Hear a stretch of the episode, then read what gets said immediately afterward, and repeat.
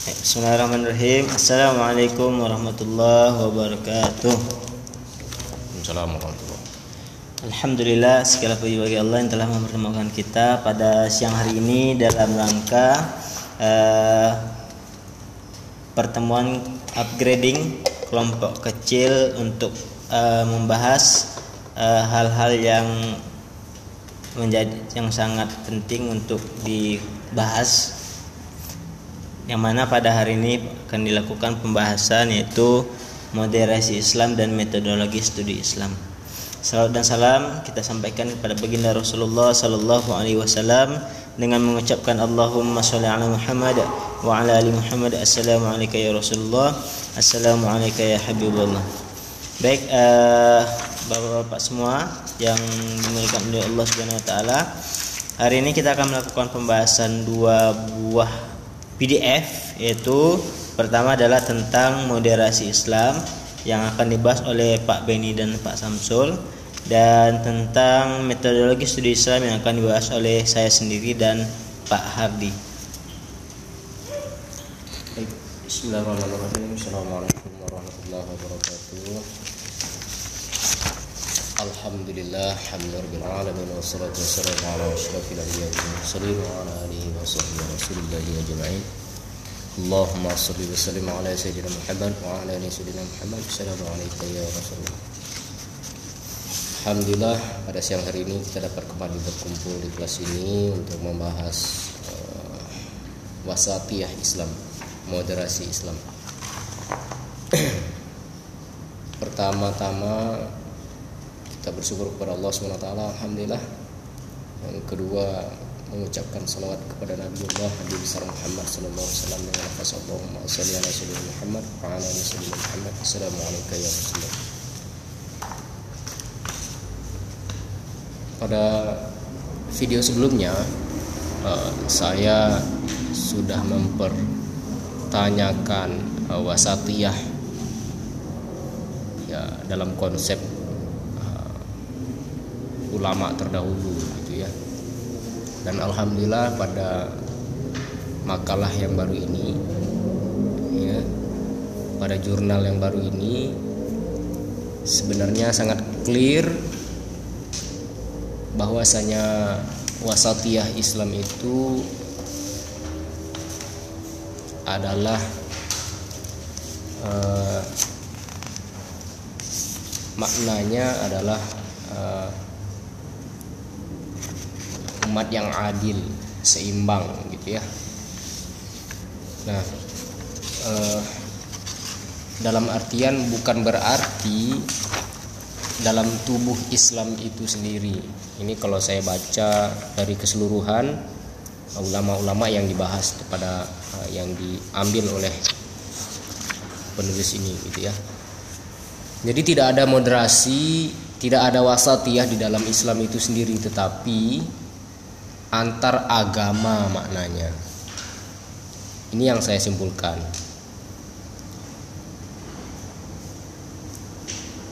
Terlihat di halaman 24 ya, wasatiyah Islam, moderasi Islam dalam Al-Qur'an. Saya nggak pas uh, me... Saya ke bawah sebentar ya, tanda tangan proposal. Saya uh, nggak sepakat ya wasatiyah itu didefinisikan dengan moderasi Islam.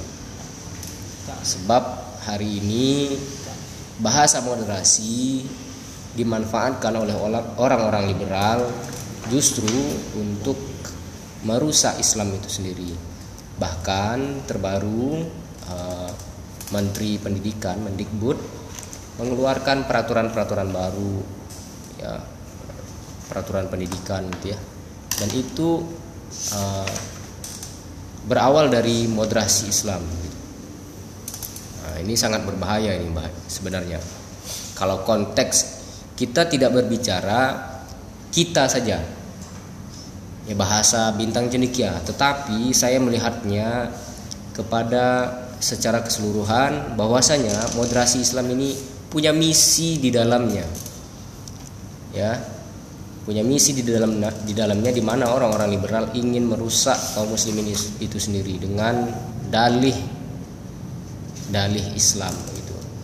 Nah, jika dahulu orang-orang liberal itu ditolak dengan dengan segenap jiwa dan raga umat muslim, nah sekarang mereka mencari cara lagi agar paham-paham mereka itu diterima di tengah-tengah masyarakat ataupun di pendidikan sehingga mereka mengeluarkan bahasa baru moderasi Islam.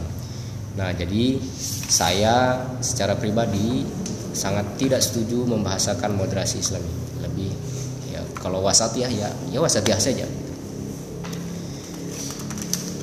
Uh, di dalam Al-Quran surah uh, surah apa nih?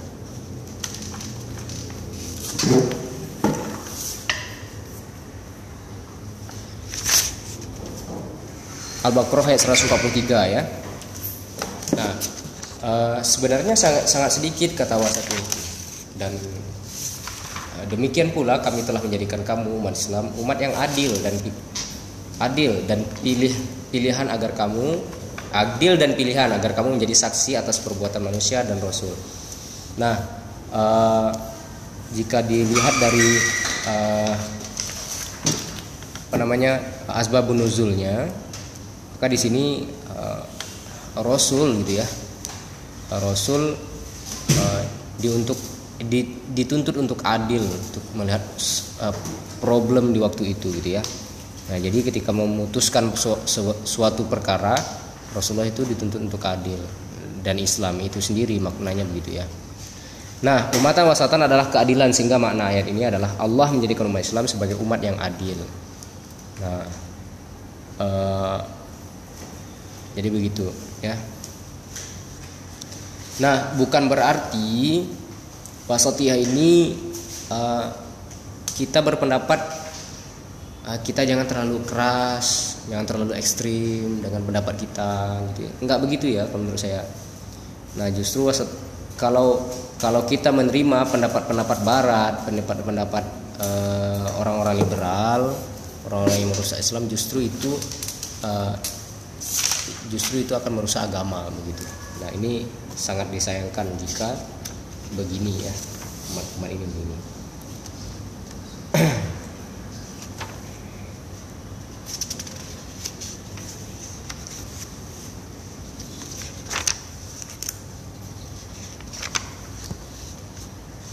Imam Ibnu Jarir At-Tabari At-Tabari yang hidup di tahun 900 930 923 Masehi gitu ya. Nah, ini dijelaskan bahwasanya At-Tabari berpendapat bahwa umat Islam yang wasatiyah adalah umat Islam eh, umat moderat maksudnya gimana sih?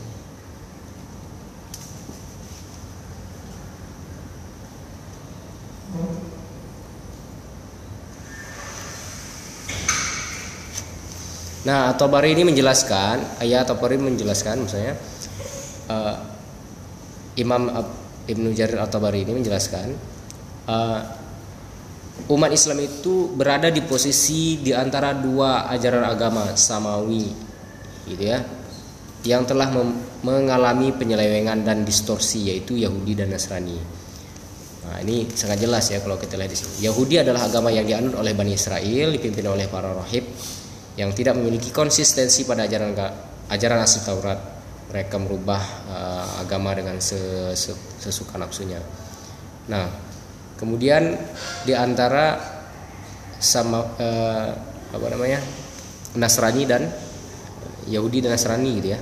Nah, kemudian dia uh, antara Yahudi dan Nasrani, nah, Islam ini adalah agama yang yang moderat, yang tidak uh, ya tidak agamanya tidak rusak gitu dijaga oleh Allah langsung gitu.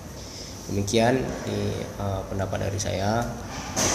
Uh, mungkin selanjutnya bisa dijelaskan lagi oleh Ustadz Samsul. Para Ustadz Samsul dipersilakan. Sedikit pos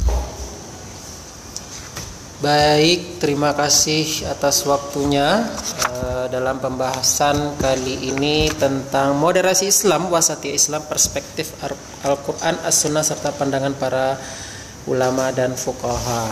Uh, seperti di awal pembahasan tentang wasatiyah kita dihadapkan dengan dalil nakli dari Al-Qur'an yaitu surah Al-Baqarah ayat 143 yang di situ memang e, jelas terdapat kata wasatiyah yang bermakna pertengahan.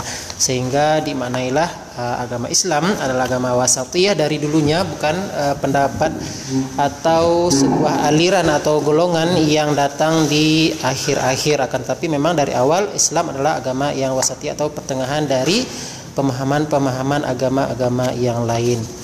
Uh, setelah pendahuluan di uh, ini makalah atau apa ya, uh, jurnal. Uh, di jurnal ini uh, saya ingin menyampaikan makna uh, tentang wasatiyah yang berusaha dikemukakan uh, berdasarkan Al-Quran dan hadis. Uh, baik pertama tadi uh, dalam Al-Qur'an 143 tentang wasatiyah, kemudian ada juga di dalam hadis Rasulullah Shallallahu alaihi wasallam makna wasatiyah uh, yang berarti tengah-tengah atau pertengahan. Uh, mohon maaf uh, tadi dalam uh, Quran surat Al-Adiyat ya. E, makna wasatiyah itu tengah-tengah atau pertengahan dengan membawakan ayat surah Al-Adiyat ayat 5 dan kuda-kuda ia perang menyerbu di tengah ke tengah-tengah uh, kumpulan musuh. Kemudian ada juga hadis Rasulullah SAW yang berwasatiyah bermakna posisi tengah dan penuh keberkahan. Uh, di sana disebutkan tentang hidangan e, maka ambillah dari pinggirnya dan tinggalkan tengahnya. Sesungguhnya keberkahan itu turun dari bagian tengah. E, jadi e, selanjutnya ada juga hadis Abu Dawud bahwa bahwa wasatiyah itu bermakna posisi terbaik seperti harta terbaik adalah harta pertengahan. Jadi e, dari semua hadis dan Al-Quran uh, dari jurnal ini mengemukakan e, makna dari wasatiyah itu adalah makna-makna terbaik, e, pertengahan, paling baik, paling adil, ideal e, dan e, lain sebagainya. Kemudian e, dari Ibnu pendapat ulama tadi seperti Ibnu Jarir At-Tabari bahwa agama Islam memang bukan uh, agama adalah agama pertengahan dibandingkan seperti agama Yahudi yang terlalu ekstrim serta agama Nasrani. Kemudian masih banyak lagi pendapat-pendapat ulama seperti Imam Abu Hamid Al-Ghazali, Imam Al-Qurtubi, Imam Ibnu Taimiyah, ada Imam Syatibi, Syekh Muhammad Rashid Ridho yang akan dibahas oleh Ustadz Hardian Syah kepada beliau dipersilakan. Ya, dekat aja Pak. Bismillahirrahmanirrahim. Assalamualaikum warahmatullahi wabarakatuh. Pada kesempatan kali ini nah, saya akan membahas tentang jurnal keislaman dan kemasyarakatan yaitu tentang metodologi studi Islam yaitu spiritualitas dalam pendidikan Islam dan pandangan Syekh Muhammad Nakib Al-Atas. Uh, pendidikan adalah merupakan bagian penting dalam kehidupan manusia. Karena dengan pendidikan itu adalah mendidik diri kita menjadi uh, manusia yang lebih berwawasan yang dan lebih berpengetahuan. Khususnya pendidikan Islam karena pendidikan Islam ini memiliki berbagai corak yang berorientasi memberikan bekal kepada manusia untuk mencapai kebahagiaan dunia dan akhirat jadi dapat dikatakan bahwa pendidikan Islam ini adalah proses perubahan menuju arah positif yang mana pendidikan Islam ini diidentikan dengan dengan dakwah dakwah Islam ya dengan dakwah itu mengajak meng, meng, menyeru manusia kepada jalan kebaikan yaitu dan jalan ketakwaan yaitu uh, mengerjakan perintah Allah dan menjauhi larangan-larangannya Kemudian dalam konteks historik pendidikan Islam ini diper, pernah dimaknai sebagai pendidikan atau pengajaran keagamaan saja. Difokus kepada pengajaran keagamaan, ya. Dalam rangka tarbiyah mendidik orang Islam untuk melengkapi dan atau membedakannya dengan pendidikan sekuler, yaitu pendidikan non keagamaan. Jadi pendidikan Islam ini adalah hanya untuk fokus pendidikan agama saja, bukan pendidikan yang tidak tidak tidak terlalu terfokus ke sana, tapi terfokus kepada pendidikan agama. Berbeda dengan pendidikan sekuler, pendidikan yang non keagamaan ya. Kalau pendidikan Islam itu fokus pada keagamaan. E, sama seperti dengan pendidikan yang ada di madrasah diniyah, madrasah ibtidaiyah, madrasah sanawiyah ya. Dan madrasah aliyah seperti itulah. Ya, karena mereka melakukan uh, pendidikan Islam yang yang notabene-nya adalah fokus kepada pembahasan-pembahasan seputar Islam saja. Sedangkan di sekolah-sekolah sekuler itu tidak hanya uh, ada pendidikan Islam, pembahasan tentang agama, tapi itu hanya sedikit sekali. Sedangkan yang lain itu fokus kepada uh, non non keagamaan yaitu non keislaman, fokus kepada pendidikan yang uh, tidak berbasis agama, tidak disangkut pautkan dengan agama. Kemudian munculnya berbagai isu mengenai krisis pendidikan yang berkembang di kalangan dunia Islam dan problem lain yang amat mendesak untuk dipecahkan, menuntut agar pendidikan dan segala hal yang terkait dengan kehidupan umat Islam selalu dilakukan pembaharuan. Dewasa ini, pendidikan Islam di seluruh dunia sedang menghadapi tantangan yang sangat berat seiring dengan adanya globalisasi. Karena adanya pengaruh barat yang mereka juga lakukan di bidang pendidikan seperti itu. Nah, karena hal tersebut, salah satu pemikiran membaru pendidikan Islam yaitu Syed Muhammad Nakib Alatas memberikan ide-ide yang cemerlang ya untuk pendidikan Islam yaitu uh, memberikan sebuah proses penanaman adab pada peserta didik yaitu menanamkan bahwa uh, pentingnya adab ini untuk proses pendidikan Islam. Jadi tidak hanya fokus kepada pendidikan keagamaan dan keagamaan saja tapi juga fokus kepada adab bagaimana kita menyampaikan adab menuntut ilmu kepada peserta didik atau murid Selanjutnya adalah konsep spiritualitas. Spiritual merupakan sifat yang berkenan dengan sesuatu yang tidak bersifat material. Seperti halnya yang melekat dalam diri manusia misalnya akal, intelijensi, jiwa, wujud rasional.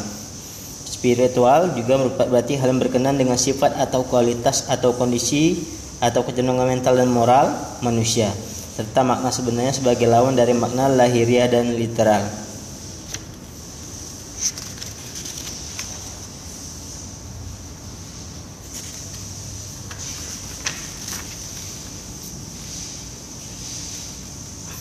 Dengan demikian, menurut pengertian leksikal spiritual berarti berkenaan dengan kualitas atau makna di luar kualitas atau makna fisik, material dan temporal seperti mengenai keadaan akal atau jiwa manusia, tentang supernatural dan tentang sesuatu yang bersifat ukhrawi dan hakiki. Struktur kepribadian manusia yang dalam terdapat berbagai eksistensi jiwa di dalam psikologi dikenal dengan istilah fakultas spiritual. Nah, ternyata ada uh, fakultas spiritual yang membahas tentang eksistensi jiwa yaitu bahas pada jiwa, manusia ya pembahasan tentang jiwa manusia yang mana fakultas spiritual ini menjadi kajian para sufi dan pemikir muslim lainnya dari kalangan filosofis mereka berupaya menemukan asosiasi-asosiasi yang mungkin dalam keterkaitan manusia dengan Tuhan dan dengan alam semesta.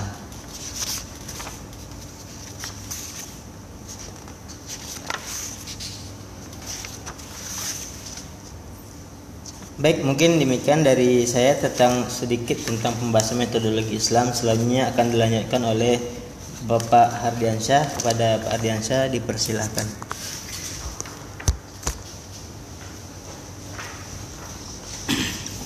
Assalamualaikum warahmatullahi wabarakatuh. Terima kasih Pak Putra atas waktunya. Uh, pada kesempatan kali ini kita diberikan jurnal tentang Nakib al atas yang membahas tentang metodologi studi Islam ya. Tadi sudah dibahas tentang metodologi. Metodologi itu salah satu metode belajar Islam itu sendiri. Dalam uh, kajian ini kalau kita membahas tentang studi Islam, belajar tentang Islam, belajar Islam.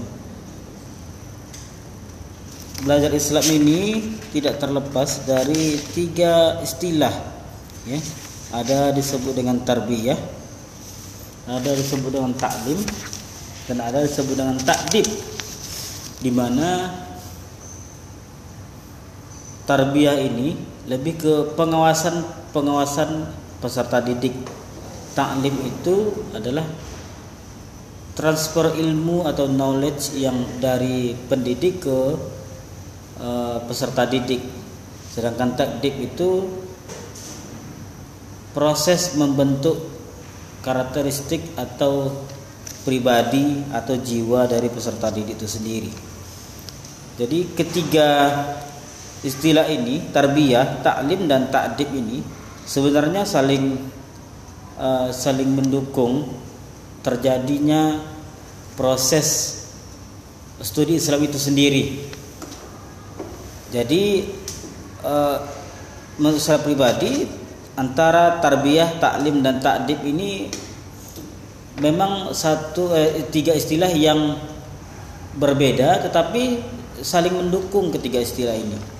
Tetapi dalam jurnal ini Nakib Al Atas itu tidak atau kurang setuju ketika studi Islam itu uh, ada proses terbiah. Ada beberapa alasan.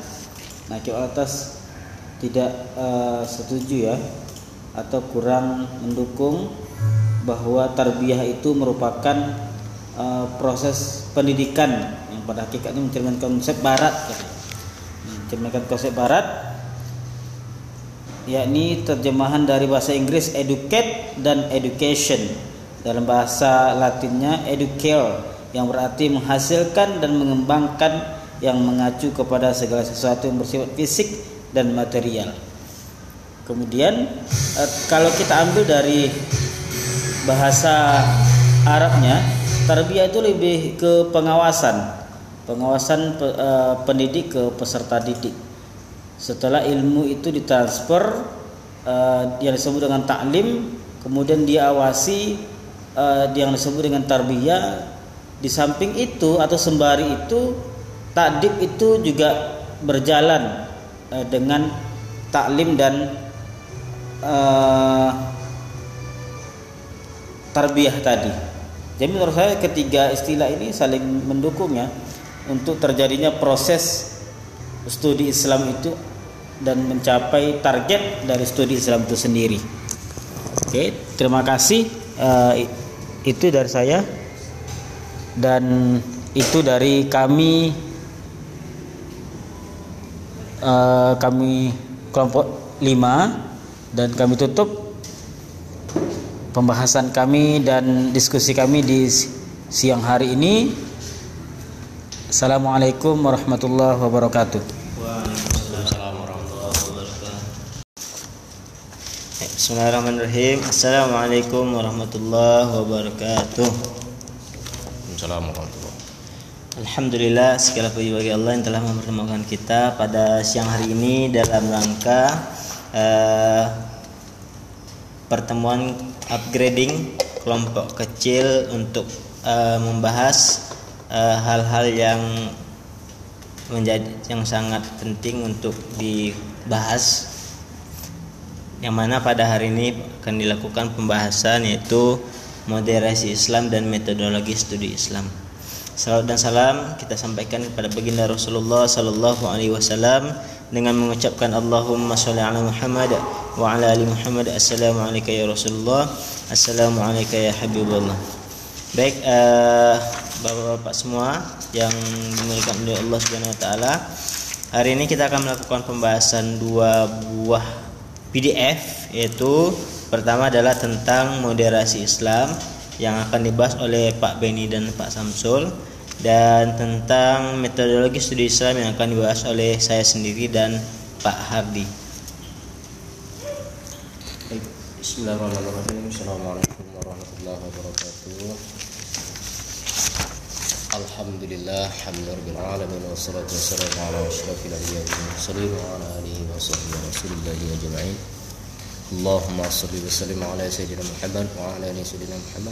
alaikum ya Rasulullah Alhamdulillah pada siang hari ini kita dapat kembali berkumpul di kelas ini untuk membahas uh, wasatiyah Islam, moderasi Islam. Pertama-tama kita bersyukur kepada Allah SWT Alhamdulillah.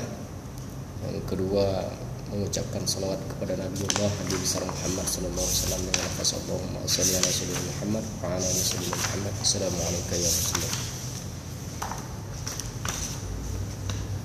Pada video sebelumnya uh, saya sudah mempertanyakan uh, wasatiyah ya dalam konsep ulama terdahulu gitu ya dan alhamdulillah pada makalah yang baru ini ya pada jurnal yang baru ini sebenarnya sangat clear bahwasanya wasatiyah Islam itu adalah uh,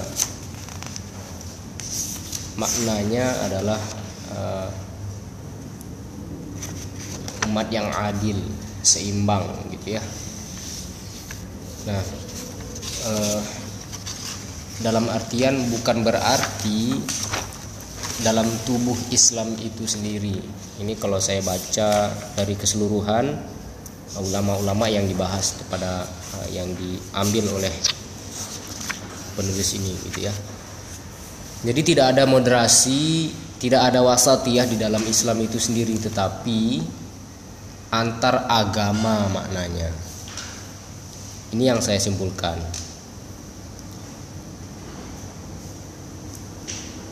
Terlihat di halaman 24 ya, wasatiyah Islam, moderasi Islam dalam Al-Qur'an. Saya nggak pas uh, me...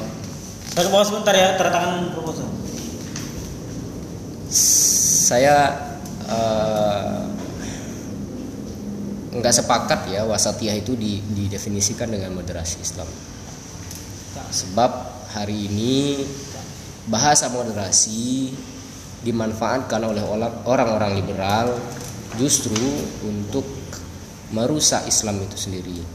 Bahkan terbaru uh, Menteri Pendidikan Mendikbud mengeluarkan peraturan-peraturan baru ya peraturan pendidikan gitu ya. Dan itu uh, berawal dari moderasi Islam. Nah, ini sangat berbahaya ini sebenarnya. Kalau konteks kita tidak berbicara kita saja, ya bahasa bintang cendekia, tetapi saya melihatnya kepada secara keseluruhan bahwasanya moderasi Islam ini punya misi di dalamnya. Ya, punya misi di dalam di dalamnya di mana orang-orang liberal ingin merusak kaum muslimin itu sendiri dengan dalih dalih Islam gitu. Nah, jika dahulu orang-orang liberal itu ditolak dengan dengan segenap jiwa dan raga umat muslim, nah sekarang mereka mencari cara lagi agar paham-paham mereka itu diterima di tengah-tengah masyarakat ataupun di pendidikan sehingga mereka mengeluarkan bahasa baru moderasi Islam. Nah, jadi saya secara pribadi sangat tidak setuju membahasakan moderasi Islam. Lebih ya kalau wasatiyah ya ya wasatiyah saja. E, di dalam Al-Qur'an surah e, surah apa nih?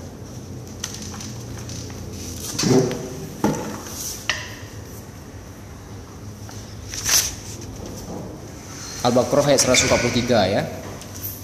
Nah, uh, sebenarnya sangat sangat sedikit kata wasat ini. Dan uh, demikian pula kami telah menjadikan kamu umat Islam umat yang adil dan adil dan pilih pilihan agar kamu adil dan pilihan agar kamu menjadi saksi atas perbuatan manusia dan rasul.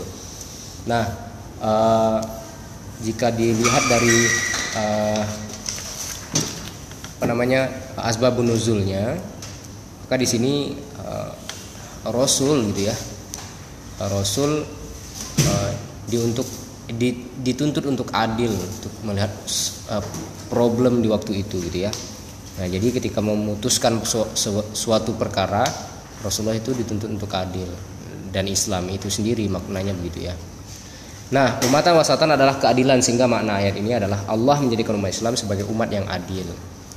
Nah, jadi begitu ya. Nah, bukan berarti wasatiyah ini uh, kita berpendapat uh, kita jangan terlalu keras, jangan terlalu ekstrim dengan pendapat kita gitu. Ya. Enggak begitu ya kalau menurut saya.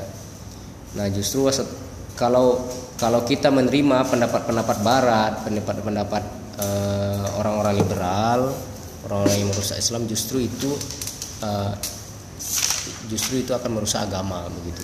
Nah ini sangat disayangkan jika begini ya umat-umat ini begini.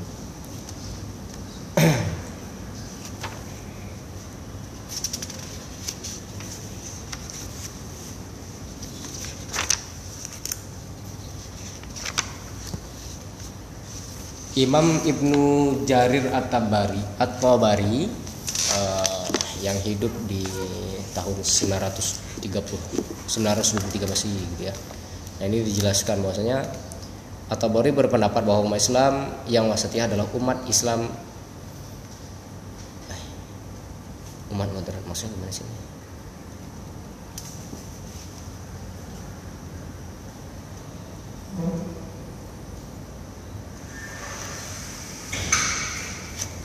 Nah, Tabari ini menjelaskan, ayat Tabari menjelaskan misalnya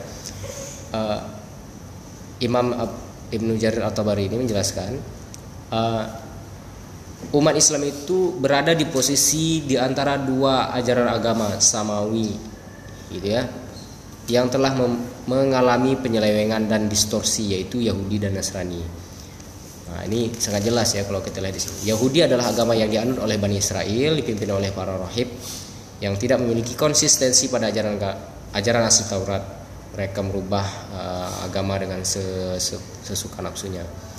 Nah, kemudian di antara sama uh, apa namanya Nasrani dan Yahudi dan Nasrani gitu ya. Nah, kemudian dia uh, antara Yahudi dan Nasrani nah, Islam ini adalah agama yang yang moderat yang tidak uh, ya tidak agamanya tidak rusak gitu dijaga oleh Allah langsung demikian ini uh, pendapat dari saya. Uh, mungkin selanjutnya bisa dijelaskan lagi oleh Ustadz Samsul. Para Ustadz Samsul dipersilakan. Sedikit pos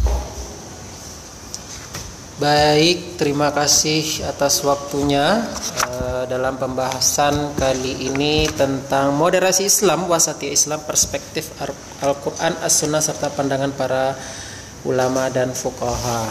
Uh, seperti di awal untuk pembahasan tentang wasati ya, kita dihadapkan dengan dalil nakli dari Al-Qur'an yaitu surah Al-Baqarah ayat 143 yang di situ memang e, jelas terdapat kata wasatiyah yang bermakna pertengahan.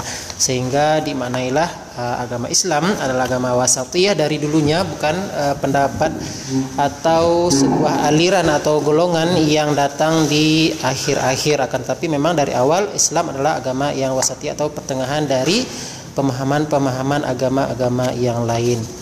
Uh, setelah pendahuluan di uh, ini makalah atau apa ya, uh, jurnal.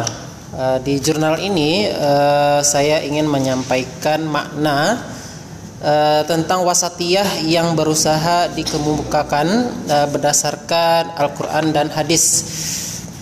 Uh, baik pertama tadi uh, dalam Al-Qur'an 143 tentang wasatiyah, kemudian ada juga di dalam hadis Rasulullah Shallallahu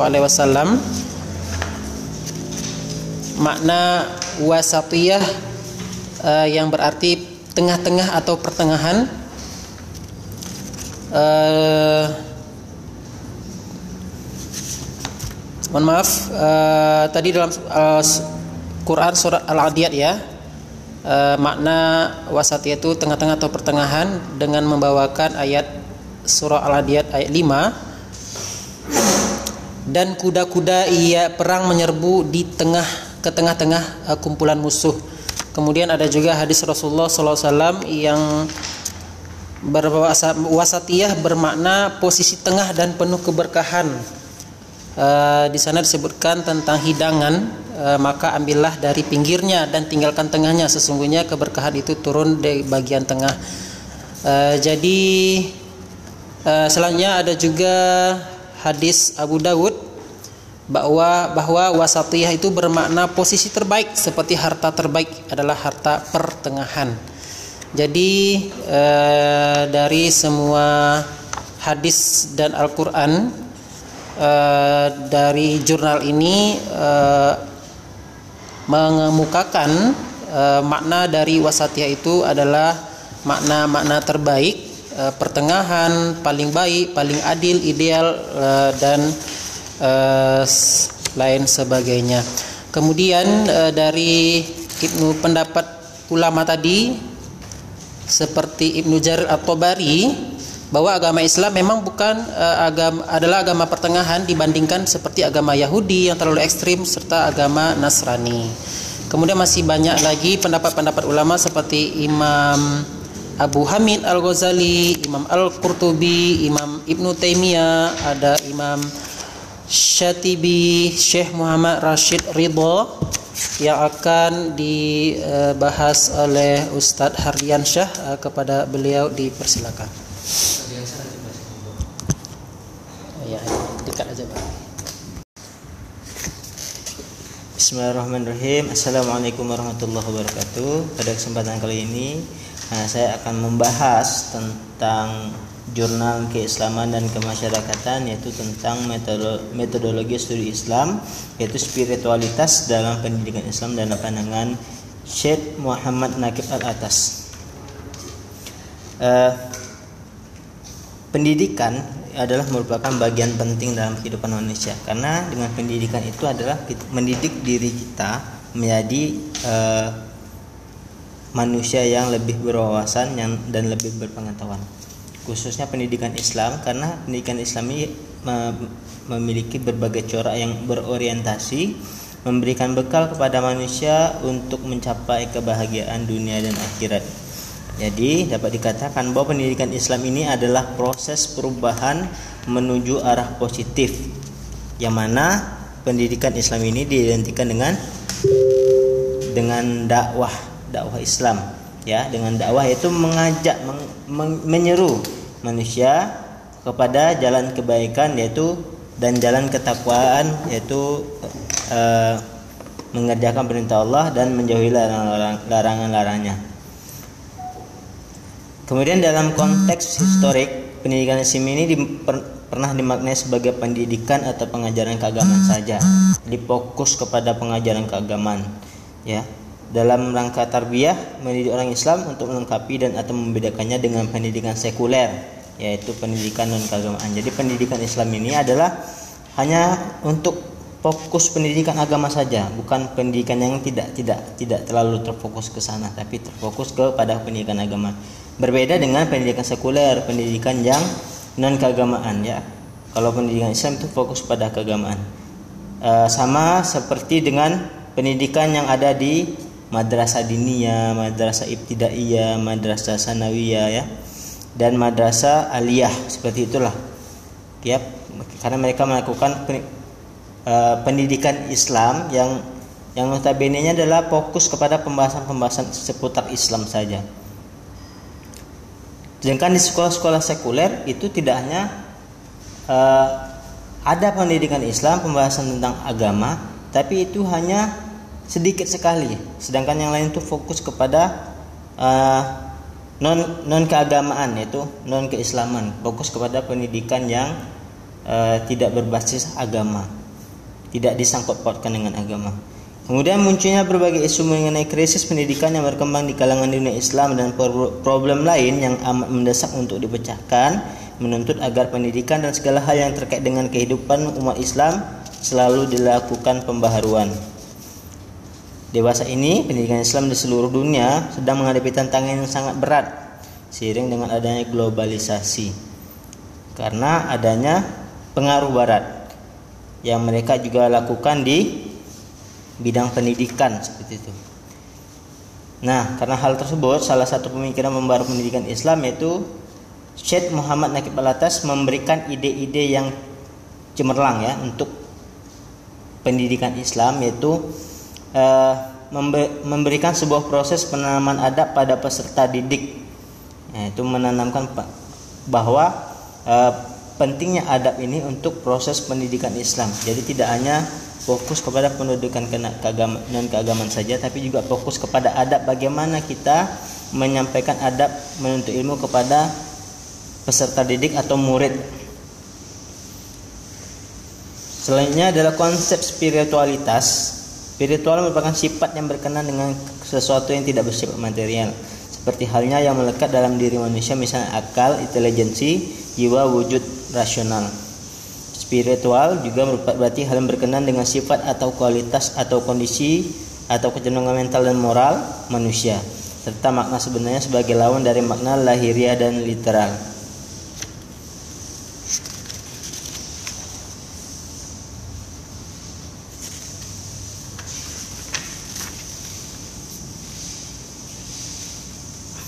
Dengan demikian, menurut pengertian leksikal spiritual berarti berkenaan dengan kualitas atau makna di luar kualitas atau makna fisik, material dan temporal seperti mengenai keadaan akal atau jiwa manusia, tentang supernatural dan tentang sesuatu yang bersifat ukhrawi dan hakiki.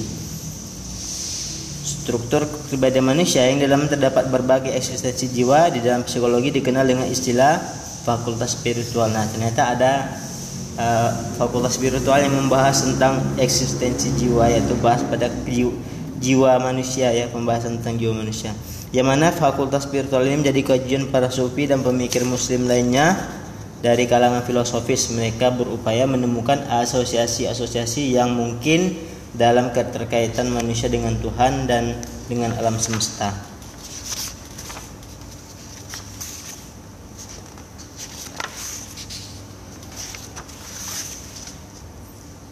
Baik, mungkin demikian dari saya tentang sedikit tentang pembahasan metodologi Islam. Selanjutnya akan dilanjutkan oleh Bapak Hardiansyah. Kepada Pak Hardiansyah dipersilahkan.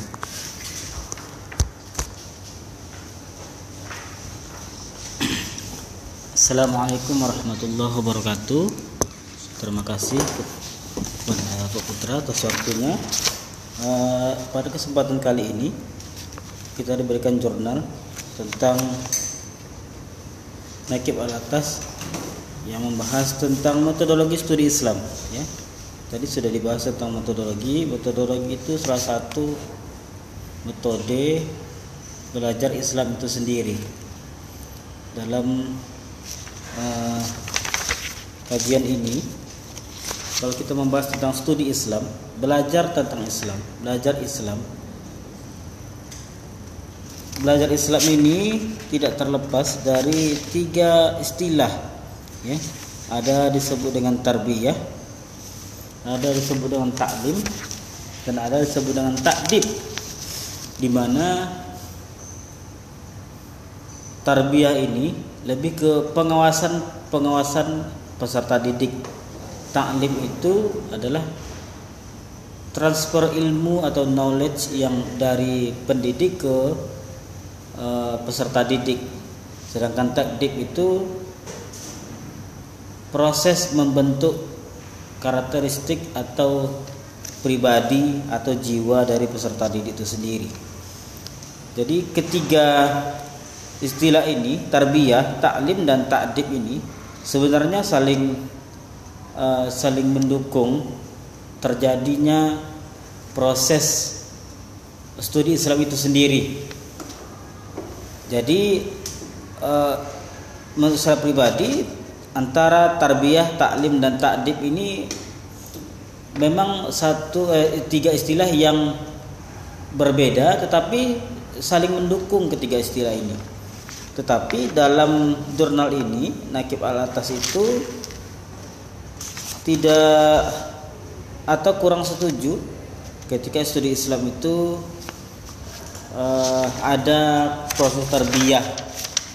Ada beberapa alasan. Nah atas tidak uh, setuju ya atau kurang mendukung bahwa tarbiyah itu merupakan uh, proses pendidikan yang pada hakikatnya mencerminkan konsep barat.